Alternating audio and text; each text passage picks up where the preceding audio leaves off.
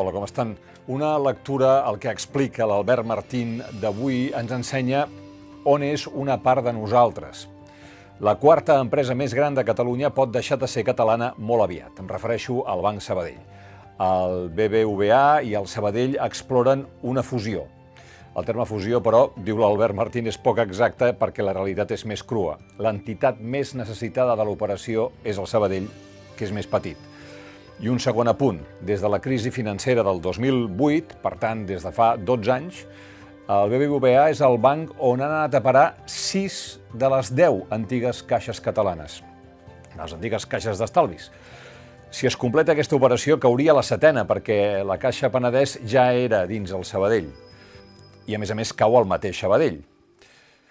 No hi ha dades gaire fiables de les quotes que té cada banc a Catalunya, però es pot afirmar que el BBVA i el Sabadell s'acostarien molt o fins i tot superarien CaixaBank a Catalunya. Una absorció del Sabadell eh, tindrà efecte sobre la plantilla de treballadors i serà un pas més en la pèrdua del sistema financer català o el que en quedés, perquè ja fa anys, com dic, que van desaparèixer les caixes, i tant CaixaBank com el Sabadell, per exemple, no van dubtar a treure la seu social de Catalunya a l'octubre del 17 i encara no l'han tornat aquí. Un país també són els seus bancs, el múscul financer. El diner no té pàtria, però té seus, té gestors que tenen prioritats, hi ha clients, hi ha serveis que cal pensar a mida o amb sensibilitat. Els països tenen interessos, tenen lobbies, bé, tot això es perdrà en bona part ara a Catalunya. La notícia ha anat a coincidir amb un moment polític espanyol que sempre torna. Quan el PSOE pacta o s'entén eh, amb l'esquerra, Podem, o amb partits catalans o bascos, com ara està passant amb Esquerra Republicana o amb Bildu, les veus del PSOE més pròximes al PP surten amb el tema català. És el cas d'Alfonso Guerra. El español se va a tratar como una lengua extranjera en España. Es un absurdo tan tremendo que si la sociedad lo asume sin reaccionar, es una sociedad en decadencia. Considerar que el castellà té o tindrà consideració de llengua estrangera a, a Catalunya, a part d'ignorar la realitat que és fàcilment perceptible al carrer, eh, és eh, considerar, que, fins i tot considerar que això passa a l'escola és una falsetat jurídica i acadèmica. Ja ens agradaria que els nostres alumnes sortissin de l'escola amb un domini d'una llengua estrangera com l'anglès semblant al del castellà. Però ell insisteix.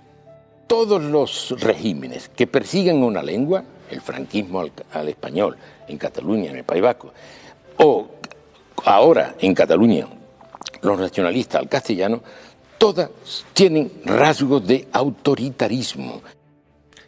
No sé on deu, on deu haver viscut aquest senyor els últims 35 anys, quan la llei d'immersió lingüística ha estat avalada pel Tribunal Constitucional i el seu partit, el PSOE, ha governat Espanya sense haver-la posat en qüestió. Però hi ha més. Hay, naturalmente, un apartamiento del castellano en Cataluña lo hay, lo, lo, te, lo, te, lo, dicen las familias que quieren que sus hijos sean educados. Entonces, aquí aparece un buenista y dice, no, si no pasa nada, sí pasa, pasa mucho. Y no hay un régimen eh, que sea democrático si persigue una lengua. No, no és possible. Que el castellà pateix persecució posa guerra al nivell de l'ABC, el diari que va publicar aquella cèlebre portada del 1993 amb una foto de Pujol i a sota hi deia igual que Franco però al revés, persecució del castellano en Catalunya. Una vegada més, Guerra personifica la idea que només és autènticament espanyol allò que és castellà.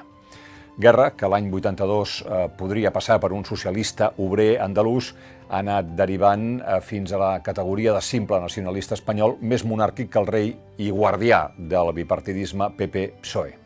Ara, sobre la llengua, un últim apunt. Tothom sap que és el català i no el castellà el que està en risc d'exclusió social. Som els catalanoparlants els que tenim a les nostres mans que no quedi exclòs. Sí, naturalment, un estat propi ajudaria amb el prestigi que hi porta associat, etc. Però no ens traiem de sobre les nostres responsabilitats i les nostres capacitats. Es tracta de parlar-lo sempre amb naturalitat, de prestigiar-lo amb l'ús social, de compartir-lo, de fer-lo natural, com l'aire que respirem el nostre coneixement eh, pels que treballen a primera línia, un record pels que pateixen la Covid-19, pels presos polítics, pels exiliats, i que tinguem un bon dia.